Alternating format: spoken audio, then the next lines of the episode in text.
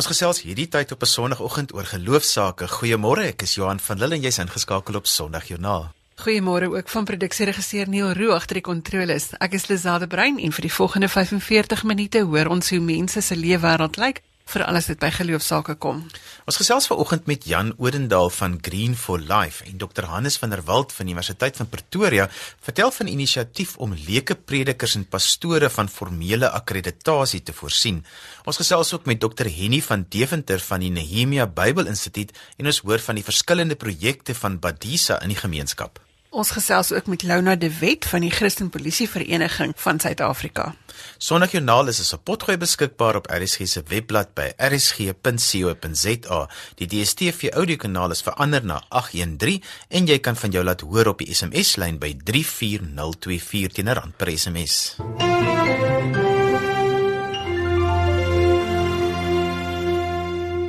Vanoggend kuier Jan Odendaal van Groen vir die Lewe by ons in die ateljee.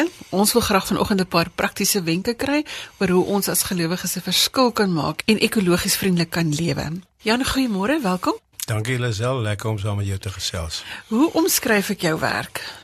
Weet jy, as kringbestuurder van die onderwysdepartement het ek so 'n paar jaar gelede afgetree en daarna in my passie toegetree en dit is die omgewing en probeer om saadjies te saai in jong mense in kinders se koppe en almal oor hoe om baie sensitief en meer verantwoordelik om te gaan met hulle eie omgewing en dan ook die breëre omgewing daar buite. Ek dink al wat 'n ouer leeftyd kan doen in elk geval is om saadjies te saai. En dit is belangrik dat ons ekologies vriendelik moet lewe, nee, want ons het net een aarde. Wel die wêreldekonomiese forum ehm um, sê daar is drie groot uitdagings in die wêreld vandag. Die eerste is aardverwarming. Ekologiese ramp waar binne ons ons almal bevind en dan verstedeliking. Maar wat my betref is die die na die Paryse onderhandelinge en die ondertekening in New York, is dit duidelik dat ons op 'n ramp afstuur. Maar die wonderlike is dat elke individu, elke kind, elke ouer persoon kan 'n verskil maak daar waar hulle woon en werk en speel. Jan, jy gebruik baie kuns en teater om mense by die ekologie te betrek. Ja, ons het begin by die KAKNK destyds met rivierskoonmaakprojekte saam met die jeug, die die werk ook en diversiteit die verskillende kultuurgroepe, die kinders van die dorp bymekaar gekry. Dis altyd eweveel Xhosa sprekendes, eweveel Afrikaans sprekendes, eweveel Engels sprekendes in die in die groepie gehad.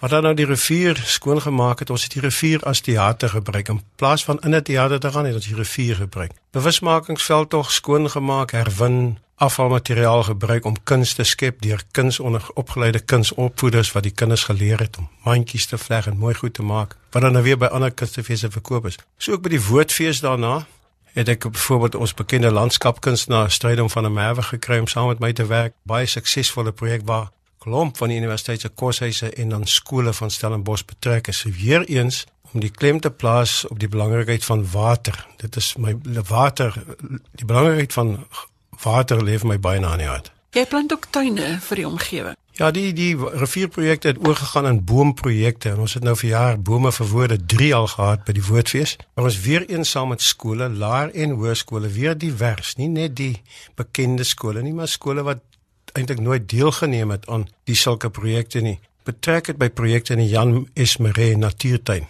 waar inheemse bome aangeplant is en dan het ons kunstenaars gebruik. Ek glo dat 'n bome en plante is net so mal oor musiek soos ons. So daar's altyd cellos, daar's altyd viole, saksofone, klarinette, gedigte word voorgedra. Die kinders neem deel, studente neem deel. Dis 'n ek glo dat jy kan eintlik niks bereik as mense dit nie geniet nie. So die klem is op genot. Vandaar word dit uitgebrei na kerke toe, gemeentes toe waar daar is talle gemeentes wat reeds baie omgewingsvriendelik omgaan. Hulle lidmate neem deel aan baie interessante groentetuinprojekte, uh, aanplant van inheemse bome, die uitroei van uh, indringerplante ensovoorts. Ek het gevind die gemeente waar ek by betrokke was, Stellenberg gemeente, ehm um, dat die mense is so passievol om deel te neem aan iets wat groter is as hulle self en wat werklik 'n verskil maak in die wêreld waar hulle woon en leef. So kom ons kom nou by 'n paar praktiese wenke. Ons moet nou as gelowiges 'n praktiese verskil maak en ons het omgewings, elkeen van ons as individu, waar begin ons? Ek dink jy begin by die kinders, jy begin by die skole. Um, ons is besig met 'n projek om watertanke op te rig. Ek is 'n lid van Badisa En ons is besig met 'n projek met op die oprigting van watertanke by alle ouer huise. Ons begin nou met loodsprojekte.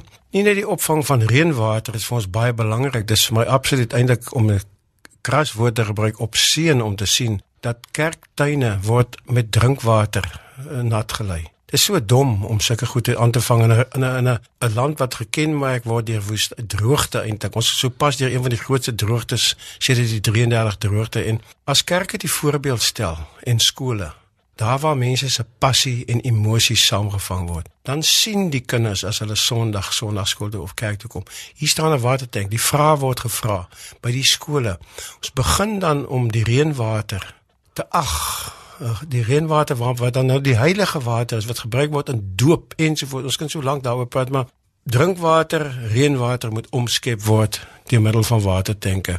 Daar is alles soos ek gesê het gemeentes wat reeds begin het om hulle kinders te betrek um, by by die sulke projekte wat wat werklik uitstaan en ek dink dat Dana Snyman het ook uh, in, in een van sy verhale geskryf van hoe verstom hy was toe hy 'n watertank daar ergens in die Karoo by skool. In die ou dae het alle huise en alle kerke en alle skole watertanke gehad. Dit het tyd geword dat Suid-Afrikaners moet besef dat ons elkeen ons eie groentetentjie sal moet hê. En dan groentebome. Ons is ook besig met projekte in Delft waar ons kyk na die onbenutte skoolterreine waar ons nou besig is met uh, olyfplantasies.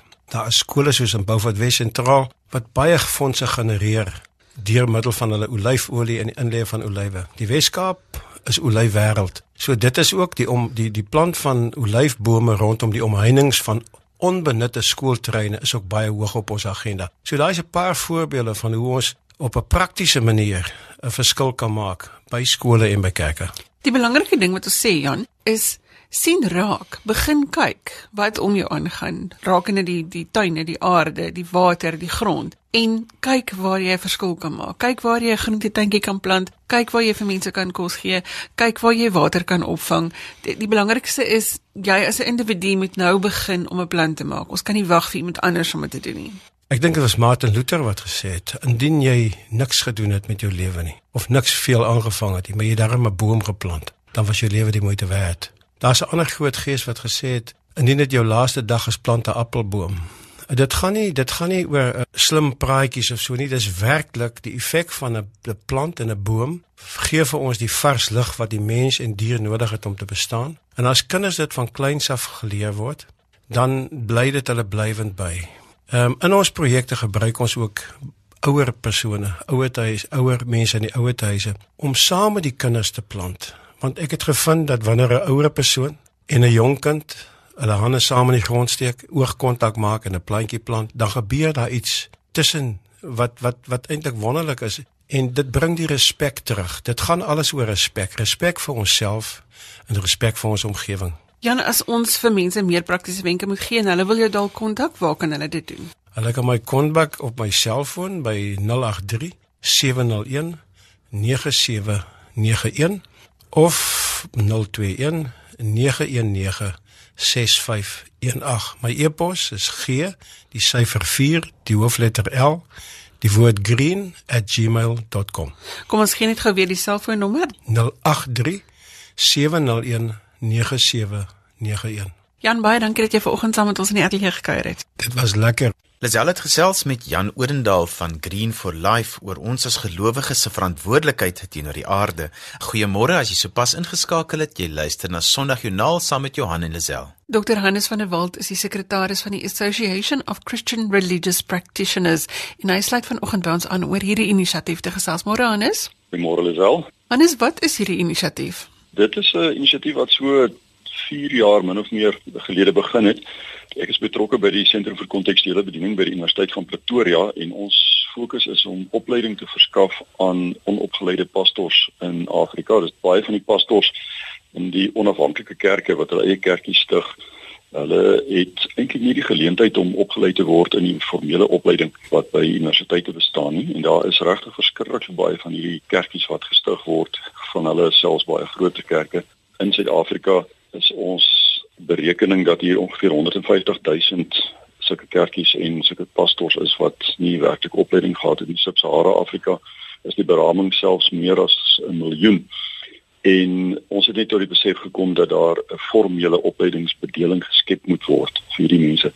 Ons het uh, ook met ander opleiers gepraat wat in dieselfde wêreld werk en die klomp opleiers het op 'n stadium bymekaar gekom en gesê kom ons kyk of ons nie die opleiding kan formaliseer en dit werklik geakkrediteer kan kry by die uh, nasionale akkreditasieliggaam nie. Nou ja, dit ons hierdie organisasie gestig om hoofsaaklik aan hierdie saak aandag te gee. So wie is almal deel van hierdie inisiatief? Ons het dit aanvanklik gefokus uh, op uh, opleiding en uh, uiteindelik het uh, SAQA die die Suid-Afrikaanse kwalifikasie owerheid vir ons gesê die beste oplossing om die opleiding wat gegee word geakkrediteer te kry dis nou op 'n pre-tersiêre vlak nie universitêre vlak nie maar voor voor die universitêre vlak om dit geakkrediteer te kry is om 'n professionele liggaam te skep. Die liggaam kan in terme van die uh, onderwyswetgewing van ons land geskep word. En uh, dit het beteken dat ons dus nie net na opleiding moet kyk nie maar dat mense ook 'n bietjie wyeer kyk na die skep van 'n situasie waar geestelike leiers in die land uh, wat hulle eie professionele liggaam het uh, wat by wetgewing uh, goedgekeur is en dit het dus beteken dat ons in die eerste plek opleidingsinstellings by uh, by die inisiatief betrek het en dit gaan oor teologie fakulteite maar ook ander meer informele opleidingsinstellings. Maar uit die aard van die saak moet ons ook met kerke begin praat. Ons het kerknetwerke wat betrokke is. Suid-Afrikaanse Raad van Kerke is TISA, the Evangelical Association of South Africa, dan uh, die CAIC, the Council for African Initiated Churches, die UAFC, the United African Federation of Churches. So daar's 'n hele klompie kerknetwerke wat ook betrokke is, Christelike bedienings. En dan uh het die Suid-Afrikaanse South African Association of Pastoral Workers uh, ook onlangs uh by ons aangesluit met ons gealmal gemeer en uh ook nou deel van die proses geword. En met dit alles saam het ons dus nou twee fokusse. Een is om die kom ons noem dit nou maar die uh, pre-tersiêre vlak van onderwys of van opleiding van uh, geestelike leiers te akkrediteer en te formaliseer maar dan ook om 'n uh, bedeling te skep vir die uh, daarstelling van 'n professionele liggaam in 'n Suid-Afrikaanse um, opleidingswetgewing vir pastors, vir geestelike leiers in die land. Dan is daar nou plekke soos Nehemia Bybelinstituut en hierdie kleiner instituie wat deel geword het daarvan, nê? Nee? Ja, ja, dis reg. So ek het genoem dat daar nou 'n klomp opleidingsinstellings is wat op die pre-tersiêre vlak werk. Die Nehemia Bybelinstituut is uit die aard van die saak een van die sterkeres daar maar daar's 'n hele klomp ander uh, ook betrokke van redelik groot organisasies ehm die genoemde colleges onder andere betrokke by ons en uh natuurlik die teologie fakulteit het ook genoem maar dan op die laervlak is daar baie Bybelskole en uh kleiner opleidingsinisiatiewe wat ook deel van hierdie proses besig is om te word. Hannes, en hoe lyk die pad vorentoe vir julle in hierdie inisiatief? Ons is op hierdie stadium besig om die kwalifikasies op die pre-tersiêre vlak te formaliseer saam met uh, die QCTO, dit is die Quality Council for Trades and Occupations. Hulle werk uh, met die ontwikkeling van beroepskwalifikasies vir Suid-Afrika. Dit is binne die nasionale kwalifikasie raamwerk deel van die groter SAQA opset en saam met hulle is ons besig om te werk aan twee kwalifikasies. Ek het nog gesê pre-tersiêr, maar ek gaan so effentjies nie tersiêre vlak in. Die kwalifikasie sal geestelike leier kwalifikasie wees op NQF vlak 5. Matriek sal jy onthou is NQF vlak 4, so dit so effentjies meer as uh, verby matriek. En dan het ons ook een heelwat laer op NQF vlak 2 wat gelykstaande is aan 'n uh, graad 9 of jou standaard 7 vlak vir geestelike leiers wat uh, Eh, daar's baie van hulle wat nie baie sterk uh, lees en skryf vaardighede nog het nie. Dit is 'n uh, eh, werklikheid wat die Suid-Afrikaanse Raad van Kerke onder ons aandag gebring het en dis so die laer vlak van kwalifikasie is vir hulle. So ons is besig om daardie kwalifikasies uh, saam met uh, QCTO deur te sien en dan is ons ook besig om ons aansoek om by SAQA se uh, hoofkantoor, hulle direktoraat vir erkenning en registrasie om by hulle erken te word en geregistreer te raak as 'n professionele liggaam. En dan in die aard van die saak uh, is ons besig om te kyk dat ons meer en meer kerke en geestelike leiers en opleidingsinstellings en so aan by hierdie inisiatief betrek. Ons het so uh, net oor die 100 verskillende opleidingsinstellings op hierdie stadium betrokke en so genoem met ADK kerknetwerke en dan uh, nou ja, daar's ook die geleentheid vir individuele geestelike leiers natuurlik om dan professioneel geregistreer te raak by die organisasie. Hannes, as mense inligting hieroor wil hê, waar kan hulle gaan? My e-posadres is hannes h a n e s .vanderwalt volledig uitgeskryf hannes.vanderwalt by up.ac.za Ek gaan net weer die e-posadres gee. Dit is hannes h a n e s .vanderwalt by ip.ac.za. Hannes baie dankie vir die samestelling vanoggend. Dit was 'n voorreg, dankie Lisel. Lisel het gesels met Dr Hannes van der Walt, die sekretaris van die ACRP, oor die inisiatief om leuke predikers formeel te akkrediteer. Ons gesels geloofsaake tot en met die 8uur nuus vanoggend. Vanoggend kuier Dr Henny van Deventer by ons om te vertel wat hulle alles doen. Goeiemôre Henny. Hallo Lisel. Lekker om jou hier by ons te hê in die ateljee. Ja, is vir my ook lekker om by julle te wees. Verduidelik vir ons, wie bedien julle? Jong Lisel, van die begin af, ons het al in 1992 begin, fokus ons op uh, kerkleiers wat nooit die geleentheid gehad het om opgelei te word nie, om teologies opgelei te word nie. So ons probeer hulle toerus vir leierskap en bediening. Die meeste van hierdie studente kom uit Afrika Kerk en Ja, meeste van hulle kom uit die sogenaamde onafhanklike Afrika Kerke, die in Engels praat hulle van die African Instituted Churches. Baie van hulle, jy weet, het hulle eie kerkies gestig of hulle is aangestel as leiers sonder dat hulle enige opleiding gehad het. en watter soort opleiding gee NBU vir hierdie leiers wat onopgelei is. Jong Lisel is baie uh, praktiese opleiding wat ons gee. Ons fokus op vaardighede vir leierskap en vir bediening. Die Bybel is maar die is maar die basis. In die loop van die van die kursus werk ons deur die hele Bybel van Genesis tot Openbaring. Ons oorsaaklik gee ons maar agtergrond en en die hoofboodskap van elke boek. Maar dan het ons nou veral drie kursusse of drie afdelings vir die kursus. Die eerste deel is 'n nuwe een wat bygevoeg word. Ons noem dit die Sukanya Bybelkursus. Spesiaal vir mense is wat wat 'n laer uh, akademiese agtergrond het en daarin fokus ons hoofsaaklik op die op die Bybel, die verstaan van die Bybel, die toepassing van die Bybel. Jy het nou gesê dis van onafhanklike kerke, mense wat hulle self aangestel het of wat as leiers aangestel is. Dit is nou so dat baie van hulle 'n lae geletterdheidsvlak het. Hulle kan nie lees nie en en party van hulle kan nie skryf nie. Ja, baie van hulle is is het lae geletterdheidsvlak. Uh weliswaar sou ek sê omtrent die helfte van ons studente het het wel selfs matriek ook. Maar daar is dan van diegene wat wat baie laer is. So vir die vir die wat meer toegerus is, jy weet, dit is die ander twee dele van die kursus. Die een is 'n uh, uh, kursus in leierskapsontwikkeling. Daar uh fokus ons maar op wat uh, vereis word van 'n predikant of 'n pastoor of 'n of 'n biskop. Ons praat nou van kerkleiers om al hierdie verskillende benamings in te sluit. Maar dan daar, jy weet, fokus ons op op praktiese goed, geestelike volwassenheid, gebed, rentmeesterskap, Bybelse aspekte van leierskap.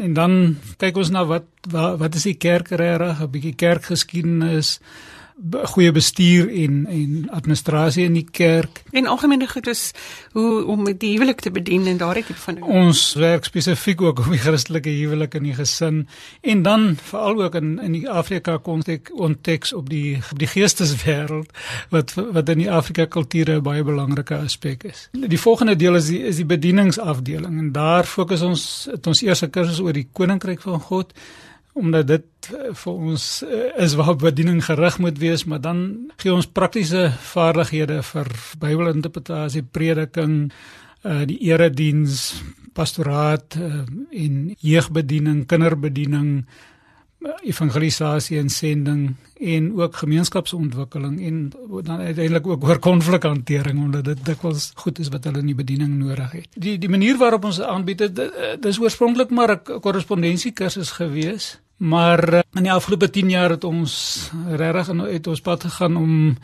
al die studente by groepe betrokke te kry met 'n plaaslike fasiliteerder daarbey. Nou dit dink ek is belangrik omdat soos soos ons nou gesê het, jy weet baie van die ouens uh maar sukkel om te lees, So dit werk net baie beter as hulle in groepe bymekaar kan kom. Hulle moet nog self lees, maar dan kom hulle in groepe bymekaar en hulle bespreek dit en hulle kry hulp van die fasiliteerder. So Dit is nooit lekker om iets op jou eie te doen nie. Dit is altyd nee. lekker om te weet ander mense is saam met jou in hierdie ding. Inderdaad. En dis vir hulle groot hulp. So hierdie fasiliteerders is vir ons is vir ons regtig belangrik. Op die oomblik is meer as 80% van ons uh, studente by sulke groepe ingeskakel. Ons het alreeds omtrent 100 groepe reg oor die land uh, wat so funksioneer. Jy weet wat uh, wat bymekaar kom met die, met die hulp van 'n fasiliteerder. En is hierdie fasiliteerders opgeleide predikante? In meeste gevalle is dit ouens wat een of ander opleiding gehad het. Dis almal vrywilligers. Ons betaal nie een van hulle om die werk te doen nie. Dit maak dat dat ons die kursus op 'n goedkoper basis ook kan aanbied, jy weet. As ons daai ouens moes betaal dan sou ons dan sou ons die kursusgelde moes opskuif en en dit sou maak dat baie van die ouens nie dit kon maak nie want dit is uh, dit is maar meestal meestal die arm deel van die bevolking. En jy praat van vrywilligers, maar hoe kan mense by hierdie bediening betrokke raak? Ek dink veral op die plaaslike vlak as mense wil kyk, jy weet as daar leiers is wat opleiding nodig is en hulle wil so iemand borg, sou dit baie wonderlik wees. Maar dan wil ek vir alle beroep doen op ouens om betrokke te raak as fasiliteerders. Jy weet gemeentes, dominees, pastore kan vir ons help uh, as fasiliteerders. Ons het 'n geweldige behoefte daaraan. Ons praat eers daar baie oor missionale gemeentes. Nou missionale gemeente kyk nie net na sy eie behoeftes nie, maar kyk weier, kyk na die na die omgewing rondom hom, na die samelewing en sien behoeftes raak. En jy weet in elkeen van van die van die dorpe sit daar groot klompe. Ek meen daar word beweer dat daar tot 150 000 onopgeleide pastore in Suid-Afrika is van al hierdie klein kerkies. En in elke dorp sit daar van daai ouens. So ons wil mense uitdaag en sê man, kyk 'n bietjie rondom julle. Vind uit wat die behoeftes is in julle gemeenskap. In in baie van die dorpe is daar sogenaamde pastors fraternals. So as as iemand daar gaan inskakel of selfs net die ouens gaan besoek en en uitvind, ek meen wat is die behoeftes? Het julle opleiding nodig? En dan wil ons gemeentes uitdaag. Begin julle eie Bybelskool in samewerking met die Nehemia Bybelinstituut. Ons sal vir julle die die met leermateriaal voorsien. Die raamwerk is klaar daar. Die raamwerk is klaar daar. Hulle kan dit nie doen dan. En nie, ons praat nou oor al hierdie opleiding, maar wat is die posisie van NBI oor die akkreditasie van hierdie opleiding? Dit is nou al seker uh, meer as 10 jaar wat ons aanvanklik aansoek gedoen het en ons kry net nie akkreditasie nie. Nou dit geld nie net vir ons nie, dit geld eintlik van almal wat op pretersiêre vlak uh, teologiese opleiding doen. En, en daar is letterlik ek ek dink daar's honderde sulke Bybelskole wat opleiding gee, maar niemand kry akkreditasie nie. Ek dink daar's een of twee. So ons gee wel vir die ouens 'n uh, jy weet 'n sertifikaat wat uitgereik word deur die Universiteit van Pretoria. Uh, maar dit is nie heeltemal genoeg nie. Dit is 'n sertifikaat wat akademies nie nie baie werd is nie. So Ek het nou uh, onderhoud gehad met Hannes van der Walt uh oor die stigting van die uh, Association for Christian Religious Practitioners. Ons het groot hand gehad in in inisiering daarvan Bible Media het groot bydrae daar ook daarvoor gemaak en dit uh, gee nou vir ons baie hoop. Ek meen hierdie hele ding van uh, daar's 'n nuwe kurrikulum voorgelê aan die in die regering en die NBI se se kursus is kom nie naaste aan wat daai kurrikulum vereis. So ons is baie opgewonde en vol hoopvol dat ons dat ons uiteindelik nou gaan uh, akkreditering kry, maar die een hekkie waaroor ons nog moet kom, het juist te doen met die uh, die vereistes wat in die nuwe kurrikulum gestel word vir die praktiese opleiding en die praktiese vaardighede waarin die ouens opgelei moet word. Dit moet gedoen word onder leiding van en onder toesig van goedgekeurde fasiliteerders. Wel, ek het gesê ons het ons eie fasiliteerders nou al lankal, maar dit is moontlik dat jy weet heelwat van hulle dalk nie eh, die goedkeuring sal kry nie dat hulle nie eh, goed genoeg opgelei is nie. En daarom kyk ons veral na die gevestigde kerke jy weet waar ouens goeie opleiding het en ons glo dit is waar ons gehelp kan word. En en dit is die ouens wat ons 'n beroep wil opdoen. Asseblief kom help. Kom ons sê dan nou sommer as daar iemand is wat hulle hand wil uitsteek waar sal hulle kan kontak maak? Hulle kan ons maar net by die kantoor eh, kontak. Uh, uh, ons uh, ons nuwe prinsipaal uh, Reverend Papile Telesie se nommer is 021 864 8224 of hulle kan myself skakel by 864 8225 021 ook 021 864 8225 of hulle kan vir my per e-pos kontak by henny by bmedia.co.za of hulle kan gaan kyk na ons webwerf uh dit is www.nehemia met 'n uh, die Engelse ene Nehemia met 'n h aan die einde .co.za. En so gesels Dr Henny van Deventer van die Nehemia Bybelinstituut. Die kontakdetail net weer, die nommer om te skakel is 021 864 8225. Dit is 021 864 8225 en jy kan dit skakel tydens kantoorure of jy kan vir Henny 'n e-pos stuur by henny@bmedia.co.za dit is henny by bmedia.co.za en die webadres is nehemia www.rsg.co.za. As jy nou net ingeskakel het, sê ons goeiemôre. Jy luister na Sondagjoernaal saam met Johan van Lille en Lazelle de Bruin. Gaan maak gerus 'n draai op RSG se webblad by rsg.co.za vir inligting oor vandag se gaste en onderwerpe. En soos gewoonlik, kan jy ook dieselfde inligting op ons sosiale media kry. Jy kan vir ons SMS by 34024 of jy kan vir ons 'n e-pos stuur deur die webwerf by rsg.co.za. Net daai Nehemia Johan van die webwerf is Nehemia in Engels N E H E M I A H.co.za.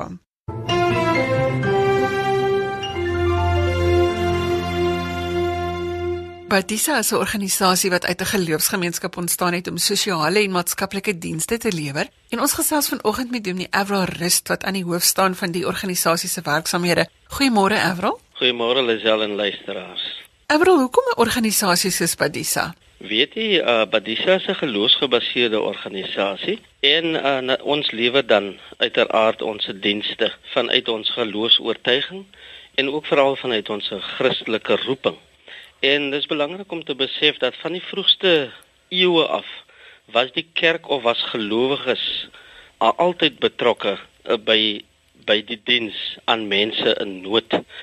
En uh, vandag nog oral in die wêreld uh, is daar groot erkenning aan geloofsgebaseerde organisasies uh, soos Badisa vir die bepaalde bydraes wat ons in die gemeenskappe lewer.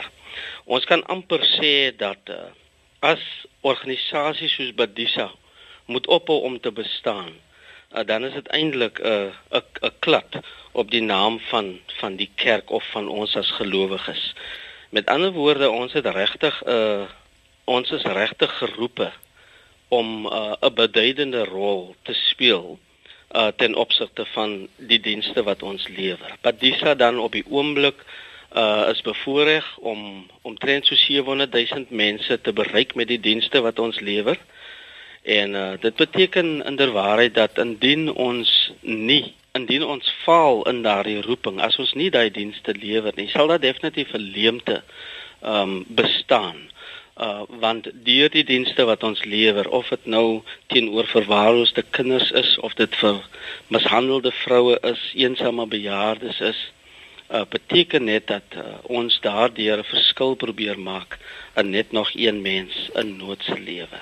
Avrou, wat is julle etiese kode dan? Weet jy ons uh, etiese kode uh hou verband daarmee dat ons het verskillende verskeidenheid van professionele persone wat uh, in die organisasie werksaam is.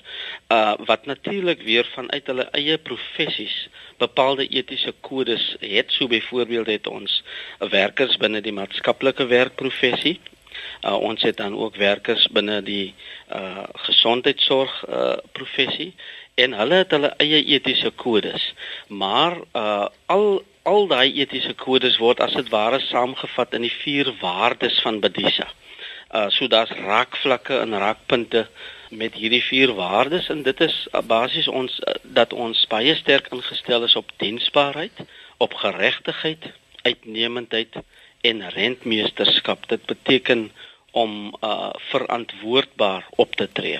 So in terme van diensbaarheid hou dit baie verband daarmee uh, oor die gesindheid waarmee ons ons werk doen.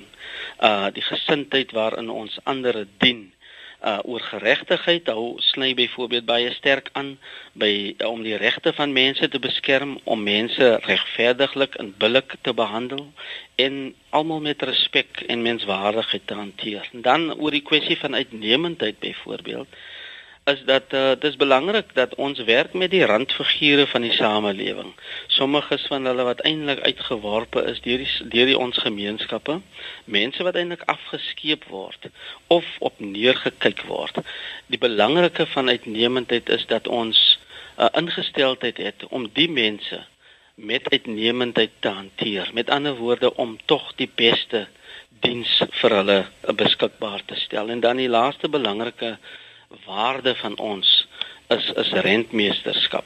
Ons is afhanklik van die ondersteuning van bydraes van ons gemeenskap, van besighede. Ons ontvang eintlik miljoene rande van mense uh, wat ons met omsigtigheid met verantwoordelikheid moet bestuur. So ons moet goeie rentmeesters of goeie bestuurders wees van van dit wat ons uh, ook deur die gemeenskap se welwillendheid ontvang. Ek wil vertel ons van die verskillende projekte waarby jy betrokke is. Jy het nou genoem van ouer mense, van uh vroue wat mishandel is, van kinders. Uh, verduidelik vir ons wat die verskillende projekte is. Ons het so 150 uh Badisa takke um, wat dan verskeidenheid van projekte uh, aanbied. Um, ons het 'n sterk fokus op die op vroeë kindontwikkeling, ons kleuterskole byvoorbeeld. En ek kan dit noem van 'n baie mooi projek wat ons in samewerking met die bediening vir publieke getuienis aanbied. En dit is waar ons uh, waar hulle byvoorbeeld 'n uh, kleuterskool gebouetjie opgerig het uh, hier in 'n rivier sonder end uh teen 'n waarde van 'n miljoen rand en dis 'n pragtige uh, uh, gebou uh jy weet waarin ons dan nou die kinders daar huisves en uh die gedagte is ook dat hierdie hele projek verder uitgerol sal word by van ons ander krisis. Baie 'n uh, ander baie belangrike projek of 'n baie noemenswaardige projek is is die van die Instituut vir Blindes. Hulle staan nou bekend as Kaleidoskoop in Woester. Um hulle het byvoorbeeld met die hulp van Absa het hulle as hulle die eerste instansie wat 'n tegnologiese opleidingsentrum vir gesiggestremdes in Afrika begin het. En dit is nou ingewy in hierdie maand. So dis 'n baie baie mooi projek daardie. En dan is is daar ander twee belangrike projekte waarmee ons besig is. Die een is dat ons nou uh, uh ons noem dit 'n projek Rywen. Uh die gedagte is dat ons saam met interkerklike groepe in Desember maand uh, vir so 5000 mense langs die N1. Ons begin hier in Kaapstad tot in Kulsburg vir 5000 behoeftige gesinne gaan ons kospakkies uh voorsien. En dis 'n dis 'n baie mooi projek waarmee ons op die oomblik besig is. En dan uh die laaste een uh wat ek graag wil noem is onder andere 'n baie sterk fokus van ons kant af op ons individuele donateursbasis om dit te ver, te versterk en uit te brei. Avril, ons het gehoor onlangs van vroue wat mishandel is. Is julle 'n plek waar vroue 'n veilige hawe kan kry sou hulle in so 'n situasie wees waar hulle mishandel word? Ja, weet jy ons uh, het 'n baie sterk fokus op die om die om vroue te ondersteun en dan het ons dit word hoofsaaklik gedoen deur ons maatskaplike dienskantore. Mense is welkom om ons maatskaplike dienskantore uh, te kontak en ons ondersteun dan veral dan nou vroue in hierdie geval. Dan het ons byvoorbeeld ook 'n spesifieke uh, program, uh, die Magdalena te huis dit uh, is eintlik 'n program wat baie sterk fokus op ehm um, vroue wat in krisis swangerskappe ervaar. Ehm um, en dan het ons 'n spesiale program byvoorbeeld en dit is natuurlik ook vroue wat byvoorbeeld verkrag uh, verkrachtings ervaar het ehm um, en dergelike situasies en hulle word byvoorbeeld daar ondersteun. Evrol as iemand julle nou sou wou kontak, waar kry hulle inligting? Weet jy, hulle is welkom om op ons webtuiste vir ons te kontak by www.batisa.org.za of dan ook ons kantoor hier geleë in Belwel 021 9577 130. Evrol baie dankie dat jy vanoggend met ons saamgesels het. My plesier. En so gesels Avril Rust wat aan die hoof staan van Badisa. Die webwerf is badisa.co.za.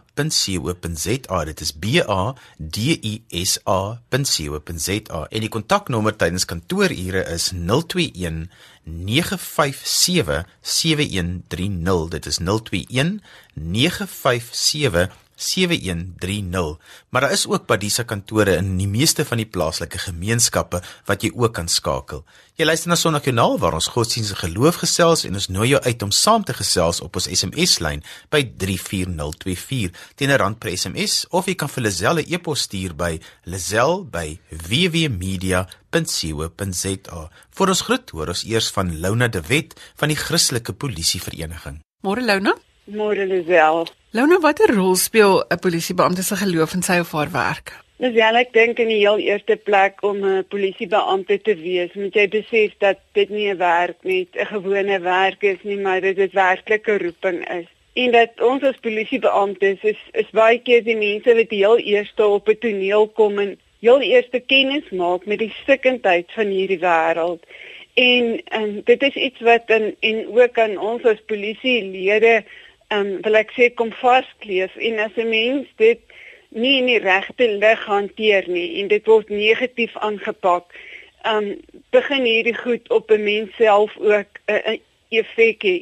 En ons kan dit in werklikheid alleenlik die misdaad en en die hartseer van hierdie lewe net hanteer met die steun op die hulp en die genade van die liefde van Jesus Christus en om dit buitekant toe uit te leef na ons eie mense toe na ons families toe maar selfs ook na die misdadiger op straat toe.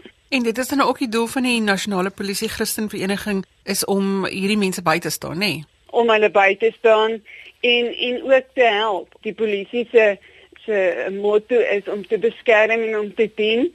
En in die eerste plek wil ek sê ons as CPV is daarom om ons polisie manne en vroue um geestelik en en moreel te ondersteun. Maar ook wanneer dit kom dat ons te doen kry met die publiek, um dat ons dan ook op daardie geleentheid die beeld en en die liefde en die boodskap van hoop na buitekant toe kan uitdra na daardie persone toe. So, hoe funksioneer julle in die praktyk, Lona? Hulle wel, wel ons binne 'n organisatoriese struktuur funksioneer. Is ons nie rigied nie en en glo ons dat elke polisielid of CPV lid wat bely dat Jesus Christus die Here is, 'n rol het om te vervul in die, in die polisie. Het sy of dit met die persoon is wat saam met jou op die voertuig werk of saam met jou patrollie stap of dan ook saam met jou in die kantoor sit. En ehm um, ons sien onsself nie net as net nog 'n organisasie of 'n vereniging nie, hoewel ons praat van 'n vereniging. Sien ons ons eerder as 'n as 'n familie in Christus, as deel van die liggaam van Christus. Ek dink ek het hulle op 'n vorige geleentheid ook vir hierdie vraag gevra, maar mense is so geneig om die polisie te sien in 'n slegte lig deesdae, veral met die korrupsie sake en alles wat daarmee saamgaan. Hoe werk julle saam met die gemeentes in praktyk? Die CPV het 'n projek wat ons noem Adopt a Police Station waar ons kerke of gemeentes of Christenorganisasies selfs vroueverenigings, hoe dit ook al sê, um, nooi om 'n polisiestasie die naaste aan hulle soort van aan te neem um, en dan ook op 'n gereelde basis vir daardie lede te bid en te bedien soos vir die Here dit op hulle harte te uh, lê. En die groot doel van hierdie projek is dan ook om die liefde van Christus aan die polisielede te wys en en om werklike brug te bou tussen plaaslike gemeentes en polisiestasies en en om 'n gebedsondersteuning aan die polisielede en hulle families te te kan gee en ook daardeur die lede te kan motiveer. Meer inligting rondom dit kan hulle wil ek sê kan hulle met my in kontak kom ons kan besoek of hoe dit ook al sê wat ook al die behoefte is. Maar ek ek wil tog ook noem by hierdie geleentheid om te sê dat ek wil dit nie in 'n negatiewe lig sien nie, maar ek dink die dae is lankal verby dat ons kan sê dit is nie die werk van die polisie diens alleen om betrokke te raak by die misdaad en by die stikkindheid van hierdie gemeenskap. Ek wil sê dat hierdie is 'n taak um, vir elke persoon in sy of haar gemeenskap waar ons woon en ons moet begin uh, betrokke raak by ons mense in die gemeenskappe. Nou julle het verlede jaar 'n kongres gehad waar daar baie mooi dinge gebeur het. Gaan julle hierdie jaar weer 'n kongres aanbied? Ja, jeuglisel ons het verlede jaar 'n lieflike kongres gehad internasionaal met lieflike sprekers en wat regtig vir ons met met die woord kom bedien het en en ons ook kom bemoedig het om te sê maar ons is die wagters op die mure as polisiemanne en vroue maar ook as as elke vader en en en moeder en en ehm um, polisielid of wie dit ook al sê. En hierdie jaar gaan ons verder daarop bou om te sê maar maar kom ons kyk hoe gaan ons um die wagters op die mure wees vir ons eie kollegas, maar maar ook vir die wêreld daar buitekant om die misdaad af te bring. En ek wil sê die misdaad te probeer doodmaak en alles sodat ons werklik aan um, Christus se liefde kan kan uitstraal na buitekant toe. Maar ook dat ons ook ons eie kollegas wat deur soveel hartseer en en trauma en blootstelling daagliks met met 'n geweldige trauma te doen het om hulle ook te kan bemoedig en te ondersteun en ons het onder andere ook vir Dr. Cherise Leroux van sy van die polisie diens, sy's een van ons sprekers hierdie jaar op die kongres wat ook saam met ons kom praat en dan gaan ons werkswinkels aanbied waarop ons dan gaan konsentreer op verhoudings en om mekaar te bemoedig en te inspireer. As mense wil kontak maak met jou, het sy of dit nou is om 'n polisiestasie aan te neem om die polisie te ondersteun om deel te wees van die kongres, waar kan hulle daai inligting kry? Hulle ja, hulle kan vir my skakel. My telefoonnommer by die kantoor is 051 430 8774 of dan my selnommer is 082 542 7234. Nou nou ek dink julle doen so belangrike werk om die polisie lede te dra en te ondersteun ook in hulle geloof. Baie dankie vir die saamgesels vanoggend. Baie dankie Lisel, seën vir julle. En daarmee het dit tyd geword om totsiens te sê. Ek groet tot later vandag vir ons in die onderwys van my Johan van Lille. Totsiens. Stuur vir my 'n e e-pos met kommentaar of as jy 'n geloostorie het om met ons te deel. My e-posadres is lizel l e z e l e by www.media.co.za. Of jy kan vir ons 'n boodskap stuur deur die webwerf by rsg.co.za. Ek groet tot volgende Sondag ook namens ons produksieregisseur Neil Roo. Totsiens.